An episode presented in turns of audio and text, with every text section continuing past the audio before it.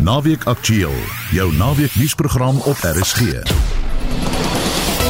In ons program vanmiddag die stroopry van Suid-Afrika se inheemse flora het nou sulke afmetings aangeneem dat die polisie dit as 'n groter probleem as renosterstroopry beskryf. Hulle is nie meer net plantjies stroopers nie. Hulle raak gevaarlik. Hulle stroop nie net meer nie. So jy weet nie as jy iemand kry het hulle 'n wapen hoe hulle jou gaan benader nie. En op Wêreldvetsig Dag plaas ons die klem op die oplossings. Die span in die ateljee vanmiddag, redakteur Madeleine Forsie, ons produksieregisseur Jady Labuskaghni en my naam is Anita Visser. Statistieke Suid-Afrika se jongste verslag oor kindermishandeling toon dat minstens 1 miljoen leerdlinge geweld by die skool ervaar.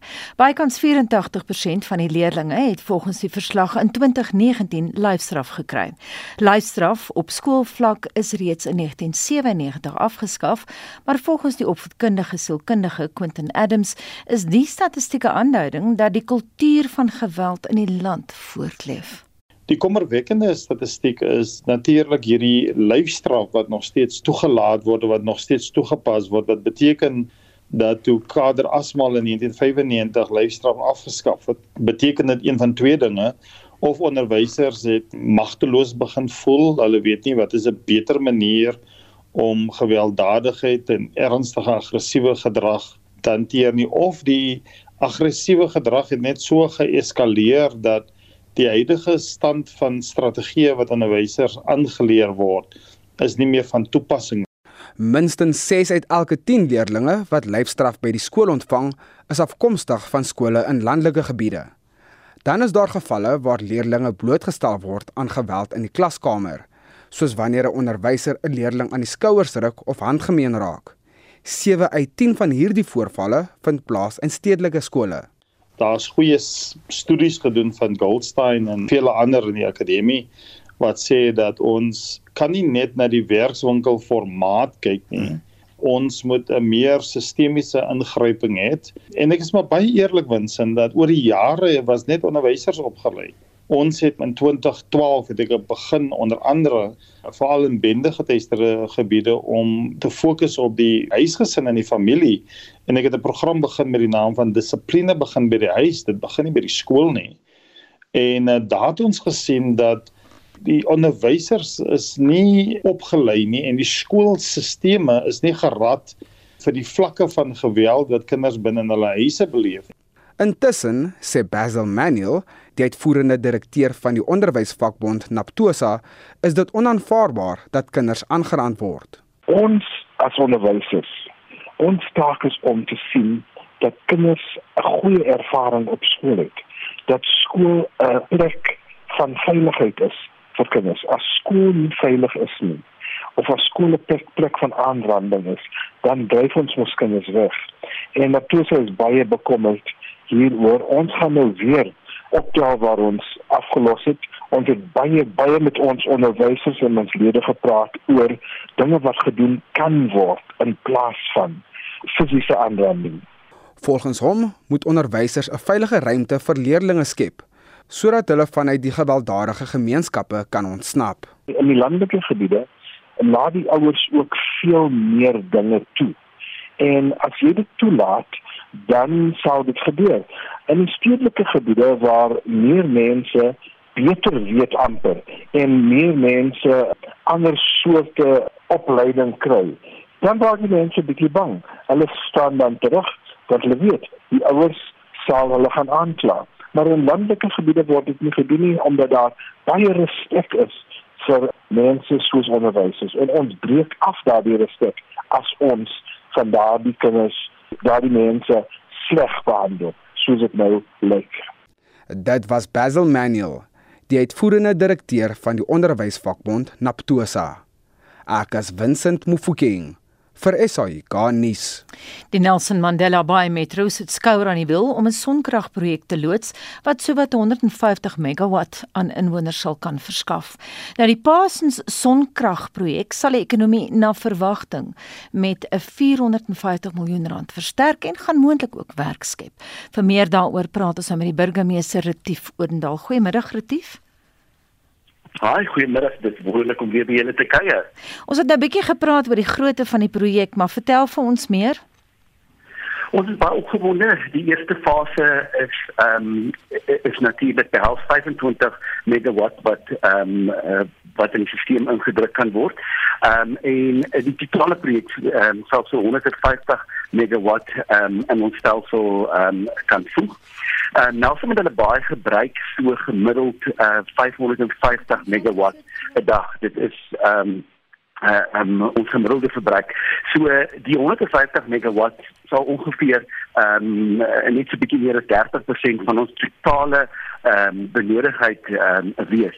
So dit is vir ons baie belangrik natuurlik om om onafhanklike krag ehm um, produsente te ondersteun met hierdie tipe van projekte. Ons weet dat ehm um, Eskom vir die uh, nabye toekoms miskien ver in die toekoms nog ehm um, uh, gereeld probleme gaan hê met uh, energie energieverskaffing aan Suid-Afrika. En en dis is dit natuurlik broodnodig veral vir 'n stad wat ehm um, uh wat industrieel is uh om hierdie tipe van projekte te ondersteun om seker te maak dat ons kragsekuriteit het. Ek sê altyd uh, daar's daar's nie iets soos load shedding nie, daar's net iets soos job shedding. Retief ek 'n paar praktiese vrae, waar gaan julle dit oprig? Dit word in ehm um, in 'n uh, eh, Parsons vlei opge, opgerig. Dit is 'n oop stuk grond basies in die middel van uh, 'n uh, Nelson Bay wat nog nie ontwikkel is nie. Ehm um, en dit is redelik naby geleë aan een van ons grootste kragstasies. Dit is baie maklik om die krag te voer nou natuurlik in ons uh, netwerk in te voer. En die spertyd, wanneer sal die projek op die been wees? Die projek breek grond later hierdie hierdie jaar ons hoop uh, teen so Oktober November baie van die ehm um, van die grondwerk is reeds gedoen. Ehm um, natuurlik is dit uh, baie baie moeilik om hierdie tipe van projekte van stapel te stuur. Dit is groot finansiering. Ek dink die hele projek gaan ongeveer so 2.3 miljard rand kos. Uh, die eerste fase soos jy gesê het reg is net so 450 miljoen rand en eh uh, uh, meeste daarvan is reeds gedoen. So ons is uh, uh, vol sekerheid dat hierdie projek dan uh, teen die einde van die jaar geloop sal wees en volgende jaar sal die eerste fase reg wees wat dan 25 megawatt in ons stelsel sal invoer. En net so om om 'n idee te kry van hoeveel dit is, daardie 25 megawatt is gelykstaan aan een fase van beurtkrag. Ehm um, so ons is baie opgewonde hieroor en ehm um, ons het baie duidelik gemaak vir alle onafhanklike kragprodusente dit in Nelson hulle baie wat wat een van die sonnigste stede is uh in in Suid-Afrika dat ons regtig oop is vir besigheid en ons ons stel belang in uh in hierdie tipe van projekte. Net baie kortliks, wie gaan verantwoordelik wees vir die finansiering? Dit is ehm um, dis 'n privaat ehm um, maatskappy. So ehm um, en natuurlik die die verskaffer dis nie 'n munisipale projek nie ons ondersteun natuurlik die projek. Ehm um, so dit dit word alles deur deur privaat finansiering eh uh, befonds. Nou retief ons het in die inleiding verwys na die feit dat hooplik gaan dit baie werk skep. Ja, nee, absoluut natuurlik vir een uh, vir 'n stad wat een van die hoogste werkloosheidssyfers het in um, in Suid-Afrika en, en en definitief uh, een van die hoogste uh, van al die metropolitaanse stede is dit vir ons baie belangrik dat ons uh, um, hierdie van investering kry. Ons is groot uh, ons is baie groot uh, bekommerd geweest oor die feit dat hierdie uh, energiekrisis um, ons stad so nadelig geraak het.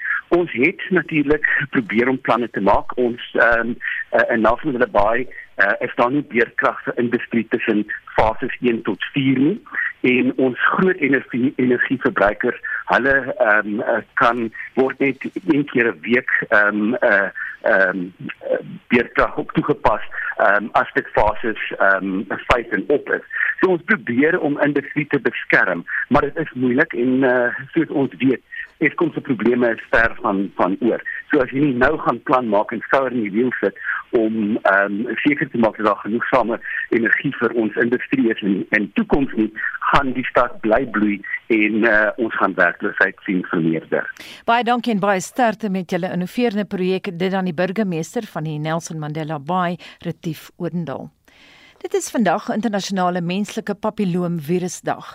Die spesifieke virus is verantwoordelikheid of verantwoordelik vir 90% van alle servikale kankergevalle, maar veroorsaak ook 'n wye verskeidenheid van ander kankers, soos wat professor Michael Herbst, die Suid-Afrikaanse Kankervereniging se gesondheidsspesialis aan Naweek Aktueel verduidelik het.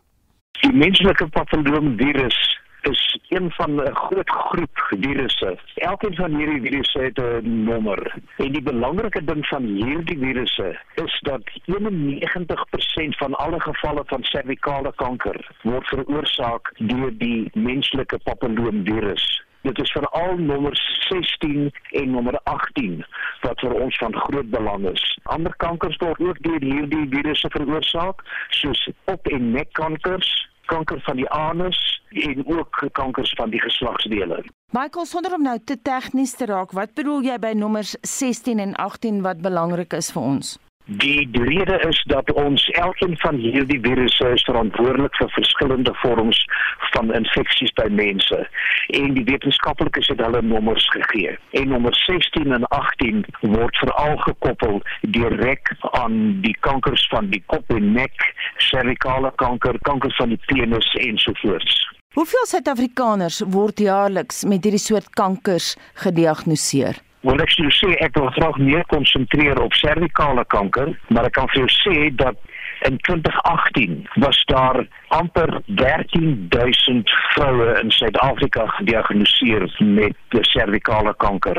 En hierdie inenting teen servikale kanker of teen die menslike papilloomvirus kan ongeveer 91% van alle gevalle voorkom. So ons kan met groot sekerheid sê dat inenting teen die menslike papilloomvirus maak servikale kanker 'n voorkombare kanker en dit is die belangrikheid hiervan.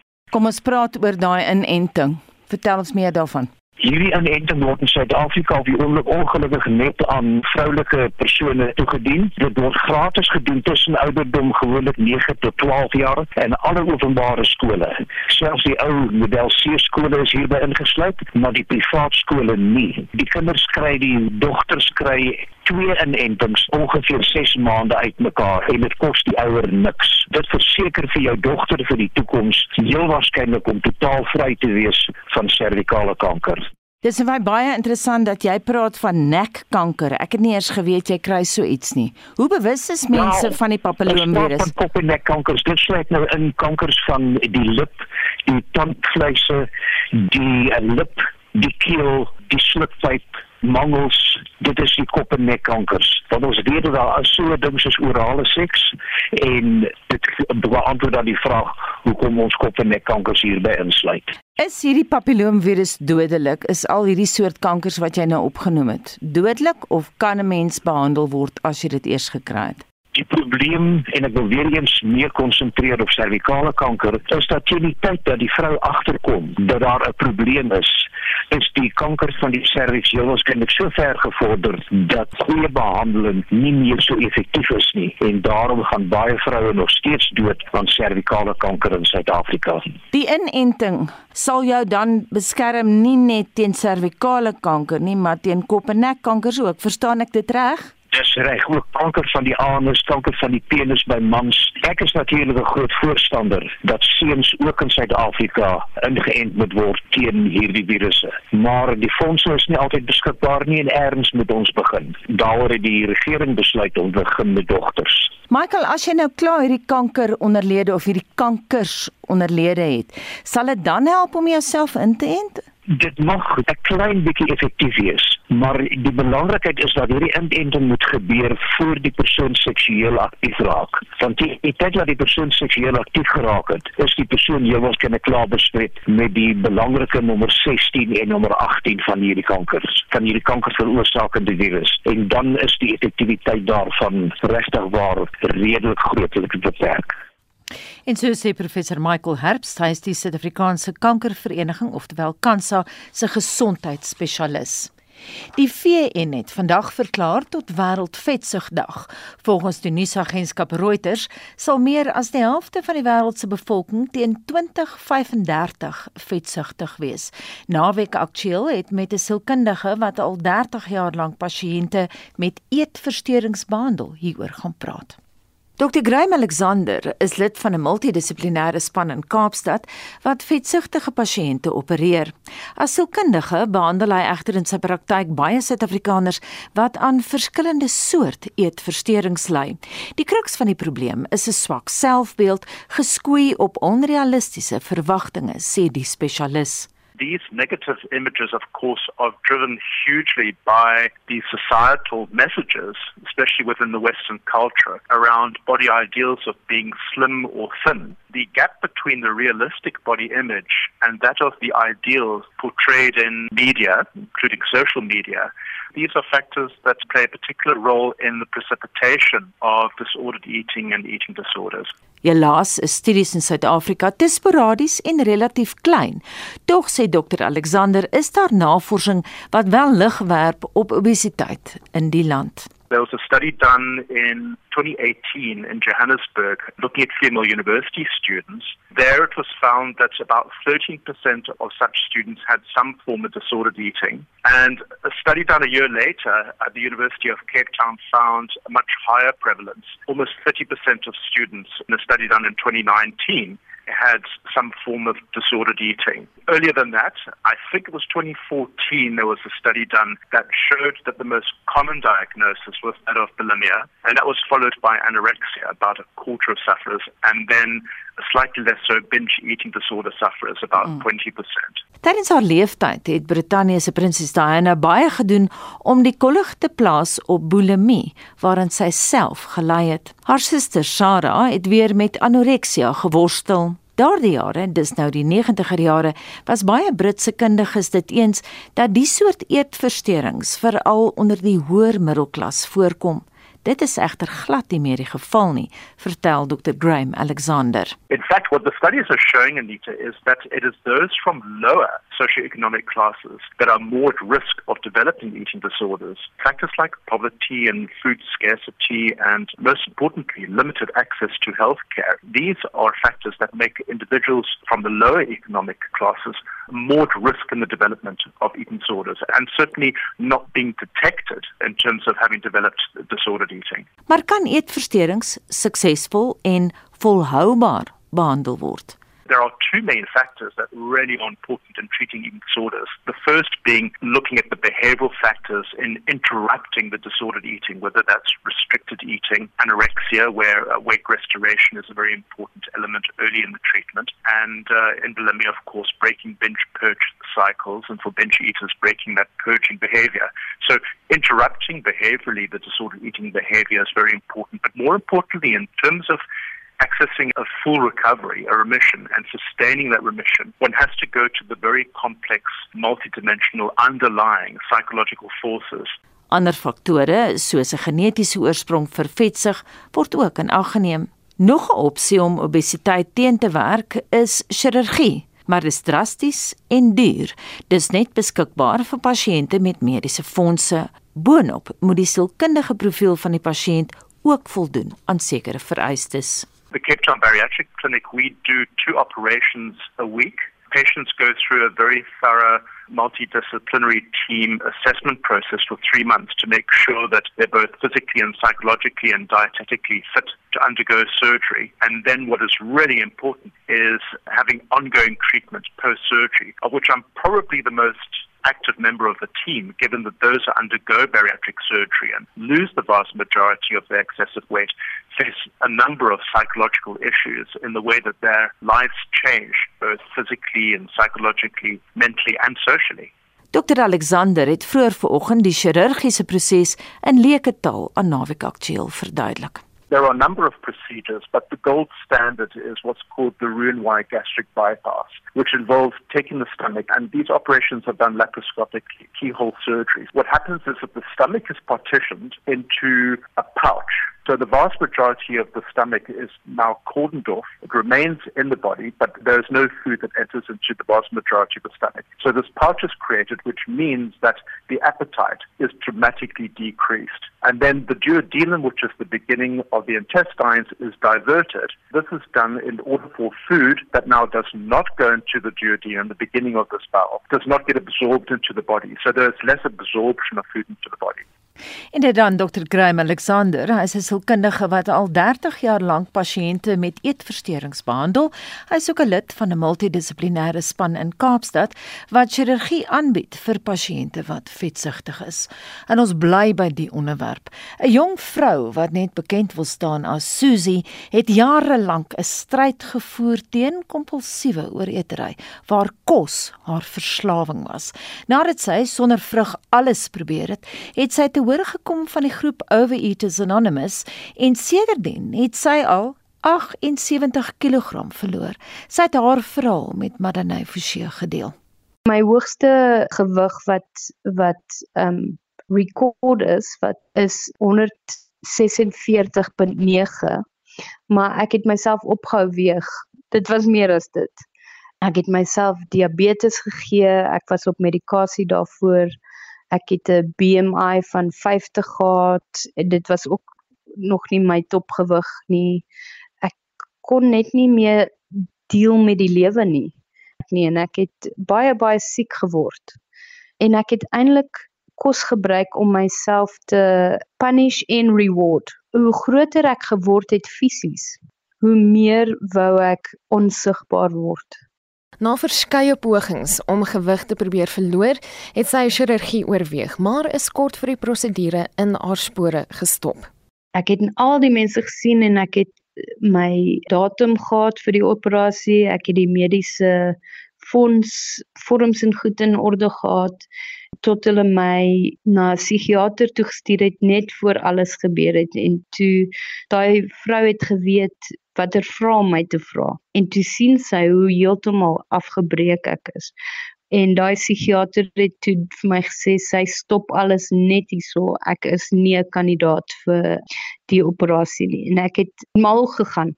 Jy weet maar nou vat sy my oplossing weg Toe kom sy te hore van Overeaters Anonymous oftewel OA, 'n 12-stap program wat gebaseer is op dieselfde model as Alkohol Anoniem groepe. Die groepe bestaan uit mense wat met verskeie eetsteurnisse sukkel en hanteer dit as 'n verslawing. Die onderskeie stappe help groepslede om hulle verslawing, soos kompulsiewe ooreetery, op 'n holistiese wyse aan te pak. Hulle het gesê kom vir 6 vergaderings en ek het toe vir 7 gegaan. Ek was clueless. Ek was so oorweldig met al die verskillende goed wat hierdie mense sê want ek kom nou mos om gewig te verloor, maar nou praat hulle van a power greater than yourself en hulle praat van al hierdie ander goed. Hulle noem nie kos nie en hulle noem nie dieet nie. Ek wou net gehad het hulle moet my boekie gee en sê hoor jy doen hierdie bada bing bada boom en daar's jy nou daar's jy nou gesond. Sy het hierna vir 'n geruime tyd nie na vergaderings toe gegaan nie, maar moes uiteindelik aan haarself erken dat sy verslaaf is aan ooreetery. Ek het geweet dat AA alkoholisme anoniem ook dieselfde stap, stappe doen. So ek het toe net eendag uit desperaatheid die foon opgetel en gekyk of daar 'n vergadering in my area is. Toe tel die een ou op die foon op en hy sê ek sê hoor jy ek is nie alkoholist nie. Um, ek is aan kos verslaaf, maar kan ek asseblief net na julle toe kom? En hy sê ja, kom, daar's vanaand 'n meeting, kom. En as daai ou nie ja gesê het nie, sou ek nie vandag hier gewees nie. Ek weet dit as 'n feit. Toe gaan ek daai aand na my vergadering toe en ek sit saam met al die mans. Hulle het nie 'n klou van ehm um, um eating disorders nie. Hulle is almal ouer as ek en hulle is almal alkoholiste, maar hulle het gesien ek is desperaat. En in daai vergadering het ek gesê die Here moet my of help of hy moet my doodmaak. Want ek kan nie meer ek kan nie meer aangaan soos wat ek aangaan nie. Na die tyd het daar 'n man na my toe gekom en hy het gesê hy's 'n man Hy is nie veronderstel om met vrouens te werk as 'n sponsor nie. Hy het nie 'n idee van eetversteurings nie, maar hy is bereid om my temporary sponsor te wees tot ek iemand kry. En dit het my lewe gered. Susie het met die hulp van verskeie mense hierna by OA opgeëindig en woon tot vandag toe vergaderings by. Die ondersteuning van mense wat daagliks hiermee sukkel en haar besluit om op haar geloof te steun, dra haar daagliks en sy tot op hede minstens 78 kg verloor. Vandag help sy ander mense om hulle eetsteurnisse teen te werk. jy is nie alleen nie. Jy is nie alleen nie en daar is 'n lewe beter as wat jy nou ervaar. Daar's mense wat dieselfde gevoelens as jy voel. Dieselfde uh, shame oor jou liggaam. Niks in die lewe maak my happy nie. Vir daai mense wil ek sê jy kan happy, joyous en free wees. Daardie boodskap van Susie wat nou sonder skroom haar verslawing daagliks die stryd aansê. Haar naam is vir die doeleindes van die onderhoud verander, maar jy kan meer inligting oor Overeaters Anonymous op ons Facebookblad gaan kry. Marlene Forsie is hy kan nuus.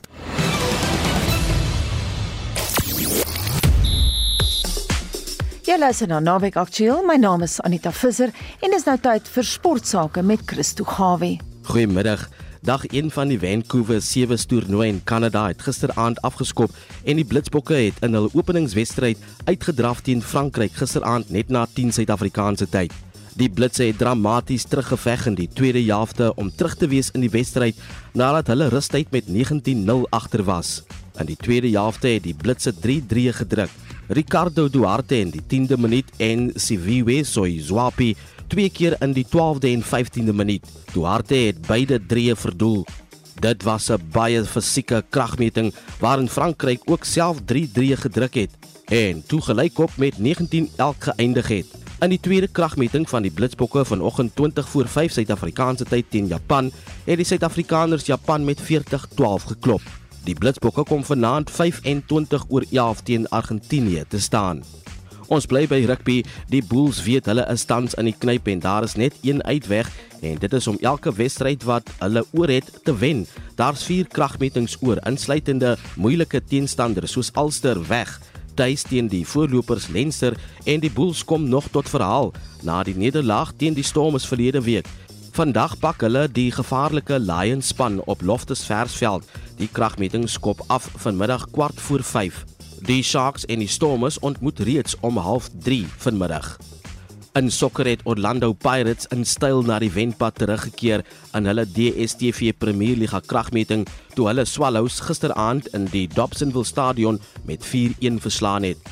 Swallows het wel 'n laat doel aangegryp toe die plaasvervanger Mtokozizi Swabule met 14 minute oor op die horlosie die agterkant van die net gevind het om dit 3-1 te maak. Om 04:30 vanmiddag kry Kaizer Chiefs en Richards Bay swarte terwyl Maritzburg United en Cape Town City vanaand om 8 'n afspraak het. En ten slotte tennisnuus, Andrei Rublev het na die eindronde van die Dubai Ope tennistoernooi deurgedring nadat hy Alexander Zverev in skoonstelle uitgeskakel het.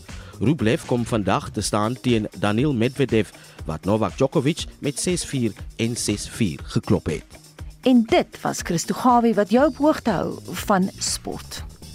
12:32 baie welkom by Naweek Aktueel. Ons beweeg nou na die golfbaan en skakel oor na Lali Stander wat die Joburg Ladies Open op Modderfontein vir ons dopbou.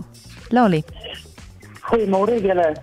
Nou ja, gistermiddag laat het Moa Volke van Swede 'n Arend 3 aangeteken, 'n Arend 2 aangeteken op die 18de tydjie nadat sy 'n wiguister van 96 meter af op die ehm uh, Setpark laat hop het en hy het onmiddellik in die blikkie gerol. Met daai Arend het sy 'n 65 aangeteken en dit was 7 houe uh, 8 houe beter as Bronshyper en dit het aan haar 'n 2 houe voorsprong besorg. Sy het vanoggend hier afgeslaan by Modderfontein op 12 houe beter as Bronshyper met Nicole Brog Estrup wat na 36 gaatjies voorgeloop het op haar hakke. Die deen was weer een hou voor Klara Davidson Spolkova van die Tsjech Republiek. Die die voorste Suid-Afrikaner was die 18-jarige Kira Floyd wat gister sewe volkies aangeteken het en 'n arend vir 'n ronde van 67. Dit was ook die tweede beste ronde van die dag. Sy het op sewe houe beter as baansryter afgeslaan. Die uh, voorlopers het so 'n uh, 3 kwartier gelede afgeslaan en tans staan die sake so hier by Modderfontein. Volke het 'n baie goeie begin gehad met 'n volkie op die eerste en toe dink ek het die senuwees 'n bietjie begin knas. Hy het gesê dit sal die eerste keer wees wat sy in die posisie afslaan. Sy het 'n brouhou begaan op die derde en dan op die vierde wat sover die moeilikste bytjie is die uh, hier by hierdie golfbaan. Het sy 'n dubbele brouhou begaan. Sy het reggemaak met 'n voetjie op die syfer 55 gehad en sy het op die oomblik 11 houe onder baansyfer en gesamentlik voor met Spolkova van die Tsjeche Republiek. Die het baie goed begin met 'n voetjie op die eerste en die vyfde. Lily May Humphries van Engeland is op 8 houe onder baansyfer saam met Suid-Afrika se Kira Floyd. Floyd het ook goed begin, voetjies op 1 en 2 waar ongelukkig 'n volk 'n uh, hou afgestaan op die syfer 4de. In die ander die ander persoon saam daarop af onderbaan syfer is Estrup van Denemarke. Uh, twee agter die volgende getykies het sy droue begaan op 3 en 4 en dan is goeie nuus vir Suid-Afrika dat Nadia van der Westhuizen opgeskuif het na die 6de plek baie goeie ronde sover deur 9 bytjies is sy 3 4 onderbaan syfer en kom ons hoop sy kan nog 'n paar in die blikkie rol op die agterste 9 bytjies. Lali standaard vir RSG Sport. In sy weeklikse motorrubriek bekyk Wessel Pretoria se verlede maand se voertuigverkope.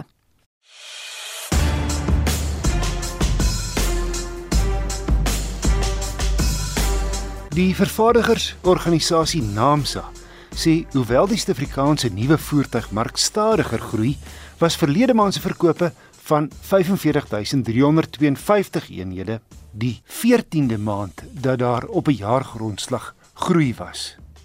En ons staan nou op 2019 se vertoning. Verlede maand se verkope was 2,6% beter as Februarie laas jaar se en 4,2% beter as Januarie vanjaar se. Dit ondanks al die druk wat daar vanuit verskeie oorde op die verbruiker is. 13 vervaardigers het verlede maand meer as 1000 eenhede plaaslik verkoop. Toyota het weer koning gekraai met verkope van 11600. En ek rond af tot die naaste 100 sodat dit makliker op die oorval. Dis meer as dubbel die nommer 2. Die Volkswagen groep met 5300. Suzuki het hom nou al geruime tyd tuis gemaak in die derde plek, 4300. Nissan 4de 3200, gevolg deur Hyundai 2700 en Ford 2500. 7 en 8ste Renault en Isuzu met 2100, Kia 1800 en 10de Haval 1500. BMW en Chery het elk 1400 verkoop en Mahindra se verkope verlede maand 1200. Die top 5 passasiersvoertuie: Toyota Corolla Cross 1700, Volkswagen Polo Vivo 1500, Suzuki Swift 1400, Toyota Starlet 1300 en die Chery Tiggo 4 1000. En ek rond steeds af tot die naaste 100. Die beste bakkieverkopers Toyota se Hilux 3300 en ook loshande die beste algehele individuele verkoper. Ford Ranger en Isuzu D-Max 1800, Nissan NP200 1300 en in die 5de plek Mahindra Scorpio Pickup met 800 eenhede. Volgende week weer 'n padtoets. Ek weeg twee hibriede kalante teen mekaar op wat prys en grootte gewys baie dieselfde daar uitsien. Toyota se RAV4 teen die Haval A6.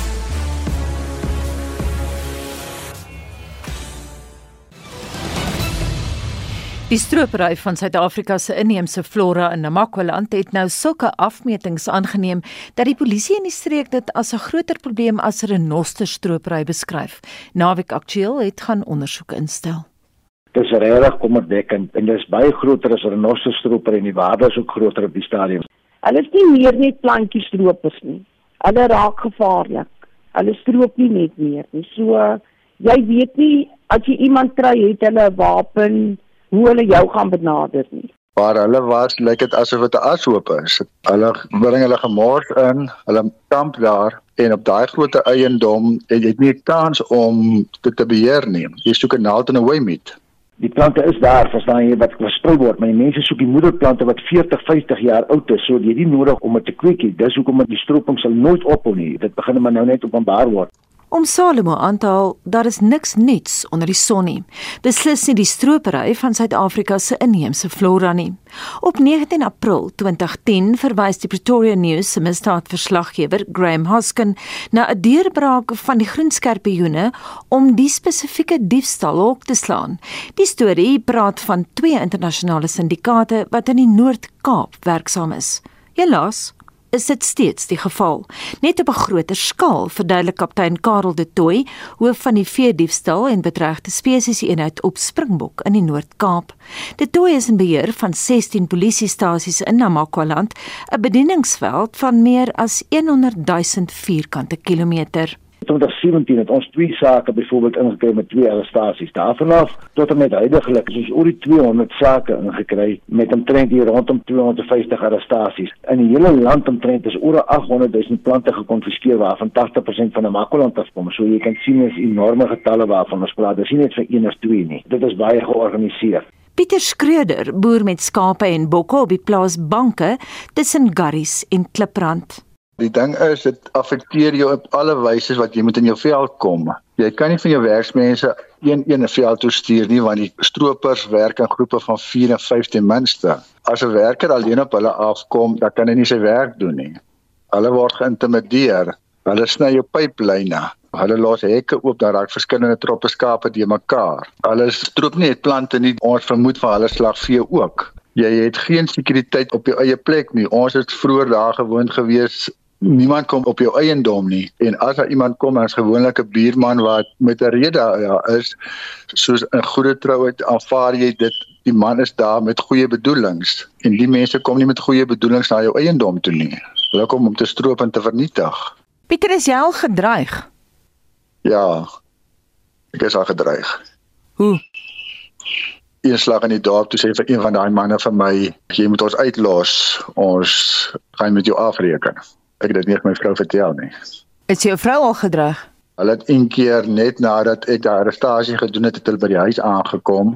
Gelukkig is Johanna by die huis gewees, 'n groot Dilberman by die huis en toe het hulle hulle voete gevat en geloop. Het jy die polisie vertel dit, dat jy gedreig is in die dorp? Ek het dit nie gedoen nie want ek het nie 'n goeie verstandhouding met Garrie se polisie nie. Hoekom nie? As jy gearresteer word nadat jy man in die tronk gegooi het, dan voel jy nie gemaklik om met die polisie saam te werk nie.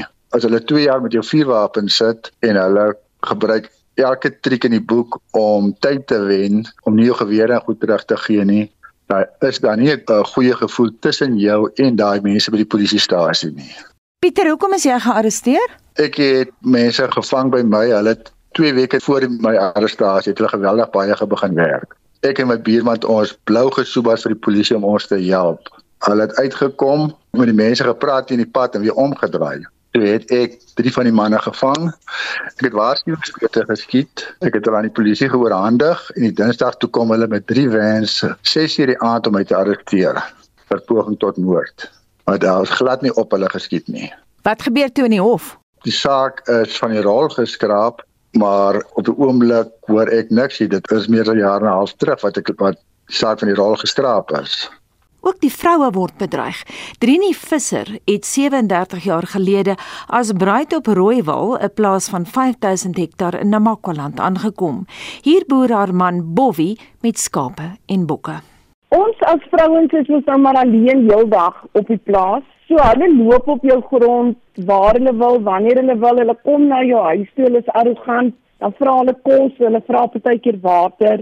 So jy kan nie net sommer nou meer jou deur ooplos en net goue draai ry in die veld of gou na jou buurvrou toe gaan. Jy moet nou alles toesluit. Ons het mos die wapens enige iets vir ons, dis want ons is dit nie gewoond nie.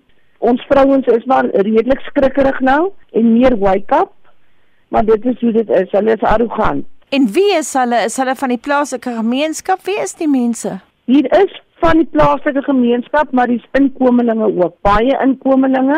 Die veiligheid rondom dit Anita, jy het nie kommunikasie met jou man in die veld nie. Sien sê jy nie jou telefoon vat en bel nie, maar ek neem nie is mos nie opvangs nie.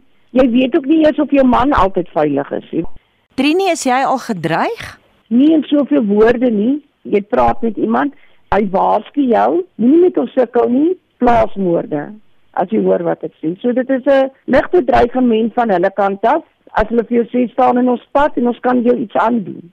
Inderdaad kan hulle jou iets aandoen want hier is groot syndikaate met baie groot geld werksaam, beam kaptein Karel de Tooy.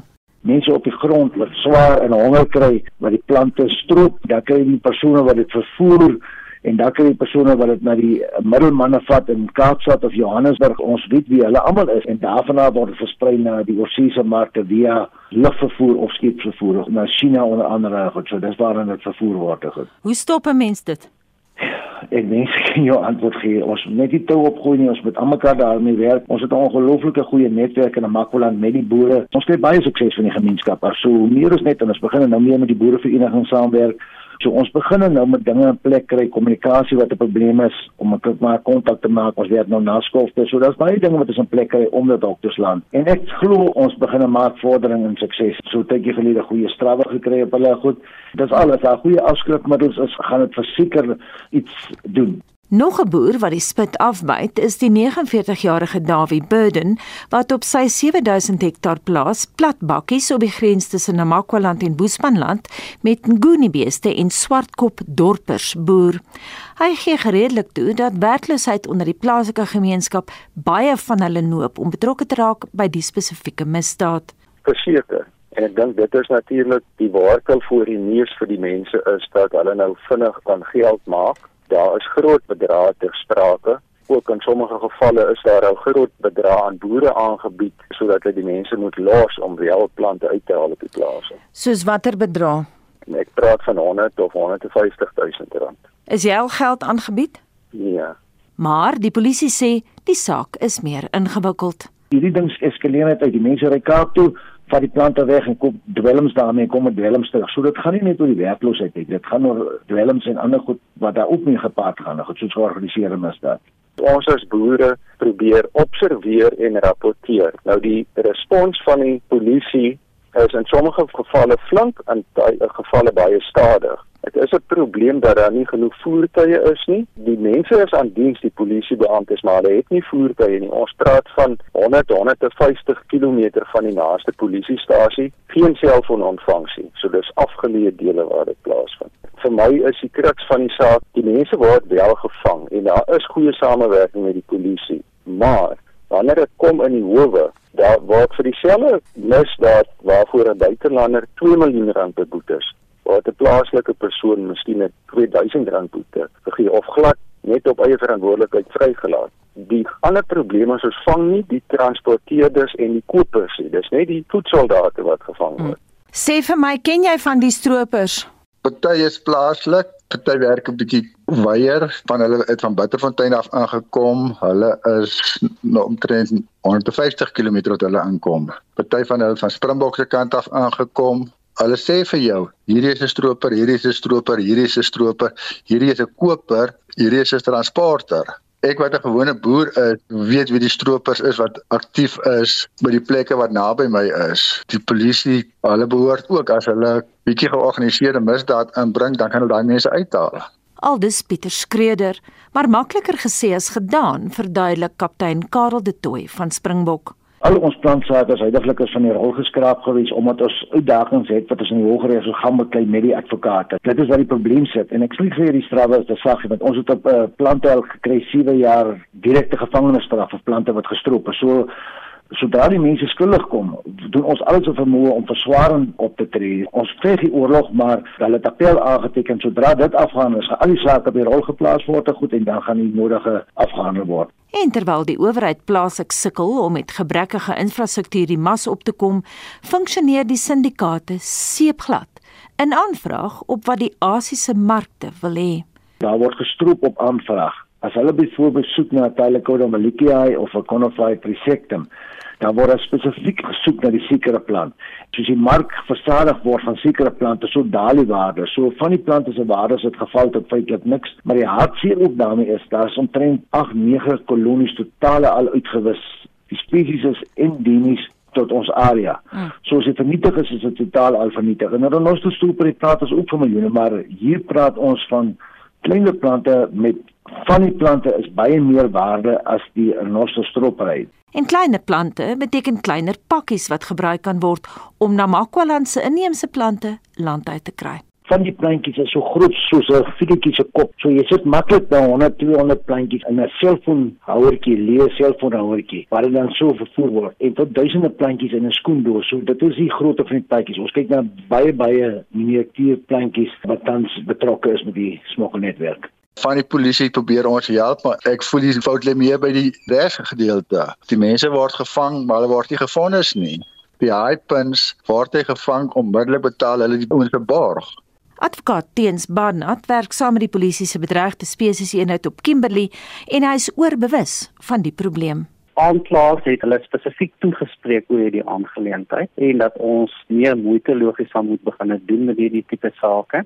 Sover as wat ons kan logies swaarde fondse sal moet begin vra. Ook natuurlik waar dit moontlik is dat borg teengestaan moet word. Daar's volgende week ook uh, werkswinkel gereël spesifiek waar 'n deskundige ten opsigte van die plante gaan kom en die aanklaers van toespreek die aanklaers spesifiek meer te laat verstaan wat die effek is van hierdie stroping in die veld. En hopelik sal dit ook lei tot beter hantering van ons kant af en hopelik tot beter fondse wat ons kan kry. Wat 'n soort fondse kyk julle na? Op hierdie stadium is dit altyd maar boetefondse wat opgelê word, maar daar is ten minste al een geval gewees waar ons baie goeie gevangenisstraf gekry het waar soos dat ons dit nou maar noem half mense gesteel is. Ek dink amper dit was 8 jaar gevangenisstraf, ek het nie mis dit nie. Een ding wat ons ook na kyk is om te kyk dat van hierdie boetefondse wat opgelê word, dalk die geld gebruik word daarvan om sekere areas te beveilig om dalk juis kamerastelsels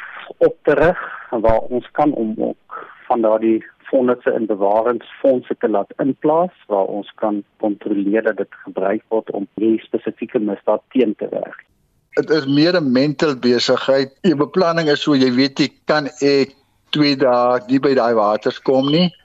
Jou kostes is net ekstra. Dit is baie moeilik om dit te kwantifiseer. Dis 'n losing battle. Ons is alleen. En dit was Pieter Skreuder van die plaas banke tussen Garries en Kliprand. Intussen het 'n advokaat teens Barnard my laat weet dat daar tot dusver van die jaar 8 sake met 14 arrestasies was. Spectrum het die week berig oor minstens 70 diere wat verwyder is vanaf 'n wildsplaas by verkeerde verkeerde vlei in die Vrystaat. 'n 55-jarige man is in hegtenis geneem op aanklagte van dieremishandeling. 'n Luiperd wat in 'n waantjie aangehou is en twee bakoor jakkalse wat velsiektes opgedoen het, is onder meer verwyder. Nou die DBV en 'n nuwe insgewende organisasie was betrokke by die poging en ons praat nou met Dr Karen Lourens. Sy is senior veearts en eienaar van die Johannesburg Wildlife Veterinary Hospital. Goeiemiddag. Goeiemiddag, Lisa. Hallo luisteraars. Baie kortliks, wat het julle gesien? Oh, sjoe, kortliks. Um, so ons het 70 diere moet help wat in baie klein hokke, baie vuil hokke met die verkeerde kos. Um dit nooit skoon gemaak is nie. Dit was dit was inderdaad help om daar uit te kom. En hoe vorder dit nou met die behandeling van die diere? Baie goed, baie goed. Um ons het nie plek by ons fasiliteit vir almal nie, maar ons het 'n klomp mense wat ons help en hulle het uh, het nou baie hulp gekry om van hierdie diere um, aan te hou want baie van hulle was rooi katte en volwasse tierboskatte. Ons het nie genoeg plek vir die groot diere nie, maar die diere almal wat wat ons um gekonfiskeer het is in baie. Karen sê vir my behandel julle hierdie diere op 'n manier sielkundig ook? Ons moet. Ongelukkig, party van hulle is is baie mak en party van hulle um is ook klaar is, is psychological uh, wys probleme um, van daai wat se op en af loop die hele tyd in die hok want dit is al wat hulle heeldag het om te doen. Um meeste van hulle sal weer beter raak want hulle gaan nou in groot hokke in waar hulle goeders het om te doen, daar's bome, daar's skadu, daar's plek om weg te kruip. Hulle is nie saam met vyf ander van hulle soort in die hok nie so. Um met tyd sal dit regkom, maar dit vat baie lank. Ons het dan een suksesstorie sover. Um een van die 'n wyfie tierboskatte wat ons gekommuniseer het was dragtig. En sy het sopas of nou 'n ongeluk gehoor het, pas twee babatjies gehad. Ehm ah. um, en albei is in baie goed, maar doen goed. En gewoonlik by hierdie tipe plekke word die babas weggevat die oomblik as hulle gebore word, sodat hulle gemak handgroot gemaak kan word en dan verkoop word aan kopers oor see, sodat hulle nou 'n bak tierboskat kan hê. Hmm. So ek neem aan dis al eerste keer dat sy actually eie babas gaan grootmaak en hulle sal nou wild groot word en vrygelaat gaan word. Karen sê vir my wat kos so reddingspoging? Oek, ek het nie eintlik vir jou syfer nou nie, maar dit is verskriklik baie geld. Want die stuur van ons ehm um, ehm um, stafmembers wat gaan vir hele dag weg van die hospitaal spesifiek baie medikasie wat ons gebruik het elke die elke een van daai 70 het ons um, ondersteuning gehad om hulle ordentlik te ondersteun. Elkeen het 'n microchip gekry. Ehm um, en dan natuurlik die vervoer so intoe terug en die kos na die tyd vir daai veelheid diere is, is baie geld. Baie dankie en alle sterkte met julle pogings dit dan Dr Karen Lourens. Sy is eienaar en ook die um hoof veearts by die Johannesburg Wildlife Veterinary Hospital. Die Game of Thrones aktrise Natalie Dormer het pas in Kaapstad aangekom vir die vervulling van die plaaslike reeks White Lies. Dormer, wat bekend is vir haar rol as koning Marjorie Tyrrell, gaan nou 'n Kaapse joernalis speel wat 'n moord moet ontsyfer. Die uitvoerende vervaardiger, Wikus de Tooy, het aan Annelie Jansen van Vuren gesê dat so 'n groot naam baie vir die Suid-Afrikaanse bedryf beteken omdat dit ons land help om ons produksies wêreldwyd te versprei. Hoe dit gewoonlik werk in so 'n geval is dat 'n vervaardiger bring 'n idee na ons toe. Ons besluit, "Yes, hierdie is iets waarby ons betrokke wil raak." Dan begin ons ontwikkel aan die tekste. Ons skryf vir 'n goeie jaar aan al die weergawe van elke episode totdat almal gelukkig is en dan vat ons hierdie tekste saam met 'n verkoopsvoorstel. Nou 'n verkoopsvoorstel is 'n mooi dokument wat die storie vertel, die visuele aanslag, die visie van die reeks, wie die kreatiewe span is.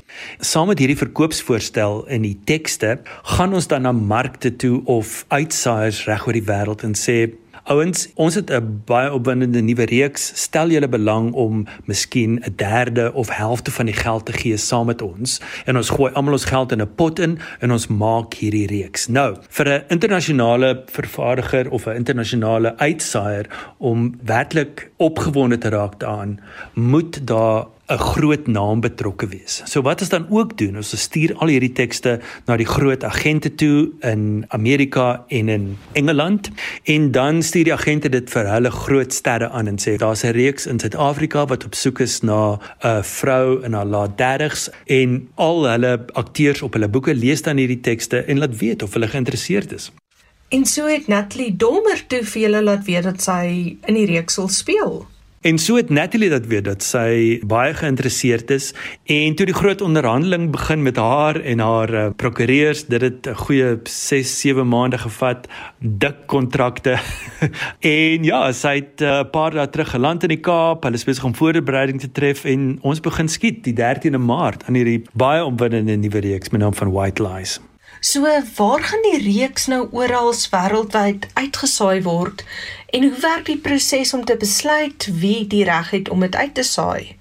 Toe Natalie aan boord is, toe kom Fremantle aan boord. So Fremantle is 'n groot produksiemaatskappy en uitsaaier in die Verenigde Koninkryk en so het ons toe nou ons pot met geld kon opbou om die reeks te betaal. Nou hoe dit ook werk is dat vir die geld wat Fremantle in die pot insit, kry hulle dan ook die reg om hierdie reeks te wys op presies dieselfde tyd as ons, maar net in hulle geografiese area waar hulle gehoor is. Met ander woorde, ons mag dan White Lies in Afrika en die eilande rondom Afrika wys Fremantle vir die geld wat hulle ingesit het kry hulle dan die reg om White Lies eerste in Engeland te wys. Waaroor gaan die reeks se storie? Dit speel af in Bishop's Court wat een van ons land se duurste ryksman woonbuurte is. Die premise van Boblink onderstink is baie van toepassing op White Lies. So die reeks open met 'n moord. En dan deur die volgende 8 episodes begin ons hoofkarakter Edie. Sy is 'n joernalis by 'n koerant in Kaapstad. Sy en speurder Fotti wat deur Brendan Daniels gespeel word. Hulle is aardsvyande. Maar hulle moet saam aan hierdie dubbele moord werk en probeer uitvind wie dit gedoen het. En dit was Wikus de Tooi, een van die uitvoerende vervaardigers van die reeks White Lies, en hy het met Annelie Jansen van Vuren gepraat. Ons groet namens ons uitvoerende regisseur Nicoline de Wee, die redakteur vandag Marlenae Forsie, ons produksieregisseur JD Labuskaghni en my naam is Anita Visser.